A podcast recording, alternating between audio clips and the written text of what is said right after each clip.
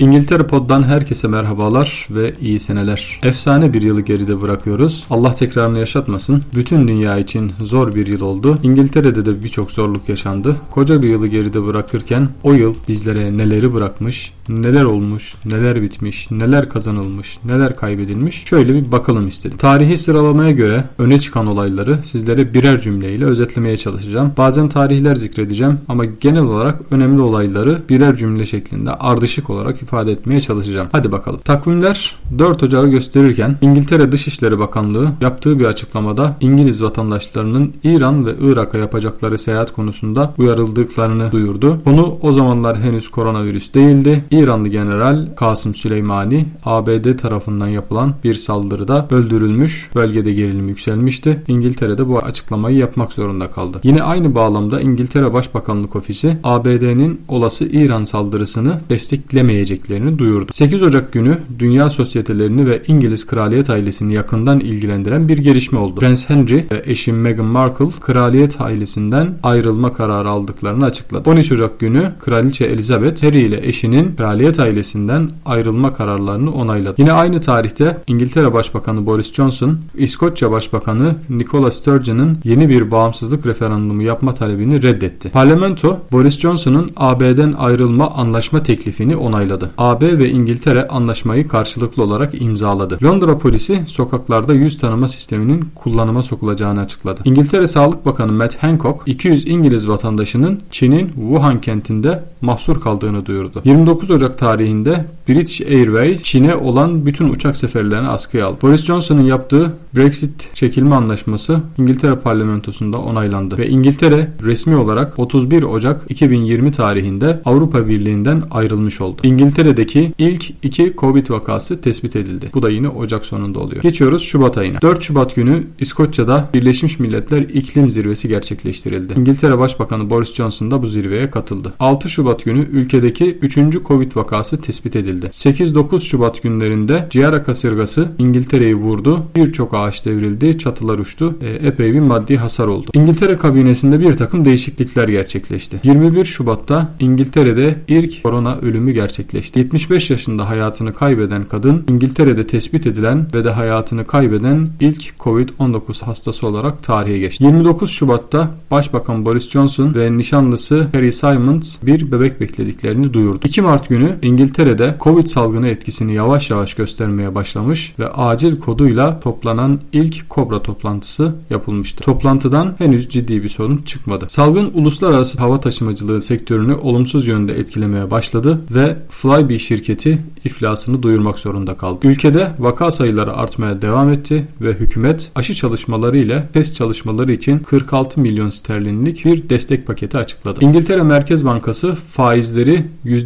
%0.75'ten %0.25'e düşürdü. Bu ülke tarihindeki en düşük seviyeydi. Pandemi ile ilgili ülke yönetimi ilk ciddi duyuruyu yaptı ve 30 milyar sterlinlik bir ekonomik paket açıkladı. İngiltere borsaları %10'luk bir düşüş yaşadı ve 1987'den bu yana en hızlı düşüşünü kaydetmiş oldu. Premier Lig pandemiden dolayı tatil edildi. Bazı bölgeler için yapılacak yerel seçimler bir yıl ertelendi. Ülkeler birbirlerine karşılıklı olarak seyahat kısıtlamaları getirmeye başladı. 17 Mart günü Türkiye'de İngiltere'ye seyahat kısıtlaması getirdiğini duyurdu. İngiltere genelinde süpermarketlerde ve toptancılarda yağmalama, stoklama gibi sorunlar yaşanmaya başladı. İngiltere Perakendeciler Birliği açıklama yaparak insanları panik yapmamaya ve stok yapmamaya davet etti. Sağlık Bakanı Hancock 70 yaş üstü insanların evlerinden ayrılmamalarını ve kendilerini izole etmelerini tavsiye etti. 20 Mart itibariyle ile Birleşik Krallık'ın tamamında sokağa çıkma yasağı ilan edildi. Okullar kapatıldı. Devlet dairelerindeki işler ertelendi. Bütün devlet daireleri, yerel yönetim birimleri, şirket ofisleri kapatıldı ve imkan olanlar evden çalışmaya davet edildi. Sokağa çıkma yasağında yaşanabilecek mağduriyetleri azaltabilmek için ekonomik yardım paketleri duyuruldu. Sterlin dolar karşısında oldukça değer kaybetti. Bank of England bir kez daha faiz indirimine gitti ve faizleri %0.1'e çekti. Bu oran bankanın 325 yıllık tarihindeki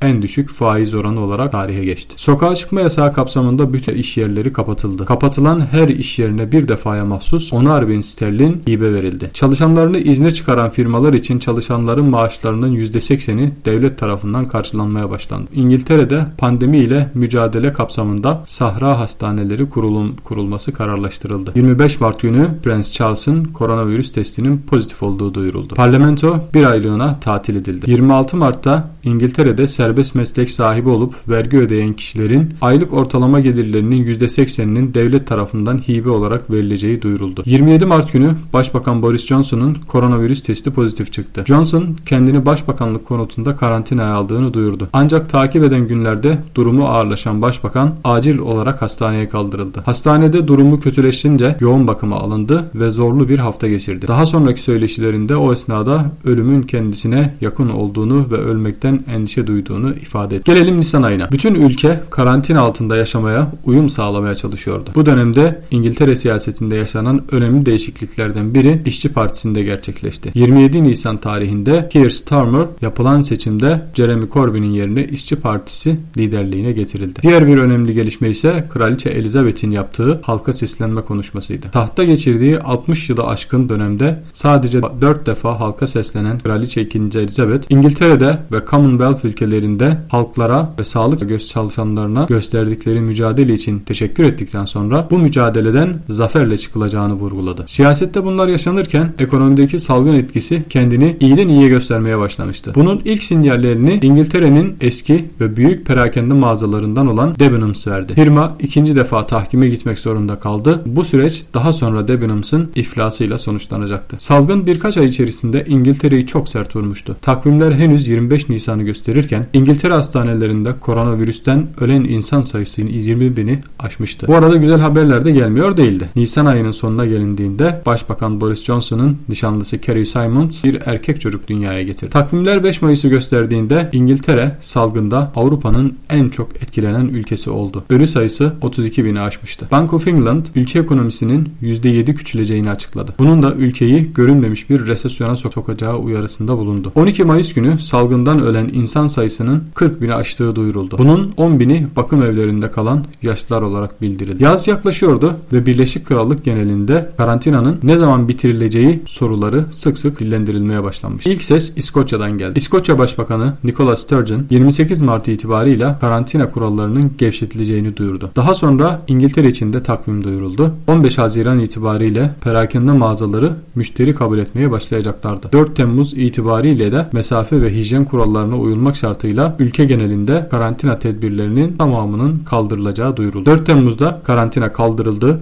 ve ülkedeki insanlar kendilerini dışarı atmaya başladılar. Ağustos ayına gelindiğinde hükümet karantina sürecinde hizmet veremeyen yemek sektörüne bir güzellik yapayım dedi ve pazartesiden çarşambaya kadar bir ay boyunca hesapların yarısı benden dedi. Bu dönemde restoranların işlerinde büyük bir patlama oldu. Sonrasında ise okul sezonu açıldı. Bir taraftan piyasalar normale yaklaşıyor diye esnafın yüzü gülüyordu ancak diğer yandan da ikinci dalga korkusu yüksek sesle dillendirilmeye başlanmıştı. Devamında korkulan oldu ve vaka sayıları hızla yükselmeye başladı. Özellikle Ekim ayında yükselen trend yaklaşan kış mevsimi için tehlike çanlarını çalmaya başlamıştı. Yükselen seyir Noel kutlamalarını riske atacağı için ön almak adına ülke genelinde bir aylık geçici bir karantina kararı alındı. Bu karantina 4 Kasım 2 Aralık arasında gerçekleşti ve virüsün yayılım hızını azaltması hedefleniyor. Ancak hedeflenen gerçekleşmedi. Aralık ayında karantina kaldırıldı ancak Noel gelmeden vaka sayılarının artması sonra da virüsün mutasyona uğraması sonucunda hükümet yeni tedbirler almak zorunda kaldı. Noel gününün ertesinde yani 26 Aralık gününde tüm ülkede genel kapanma gerçekleşti ve yılbaşı kutlamaları da yasaklandı ve yeni yıla bu yasaklarla girdi. İşte 2020 böyle geçti. Her şeyden biraz, hiçbir şeyden tam olarak özetleyebiliriz. Dinlediğiniz için teşekkür ederim. Ben Osman Hulusi. Burası Cambridge, İngiltere. İngiltere Poddasınız. Sağlıcakla kalın efendim.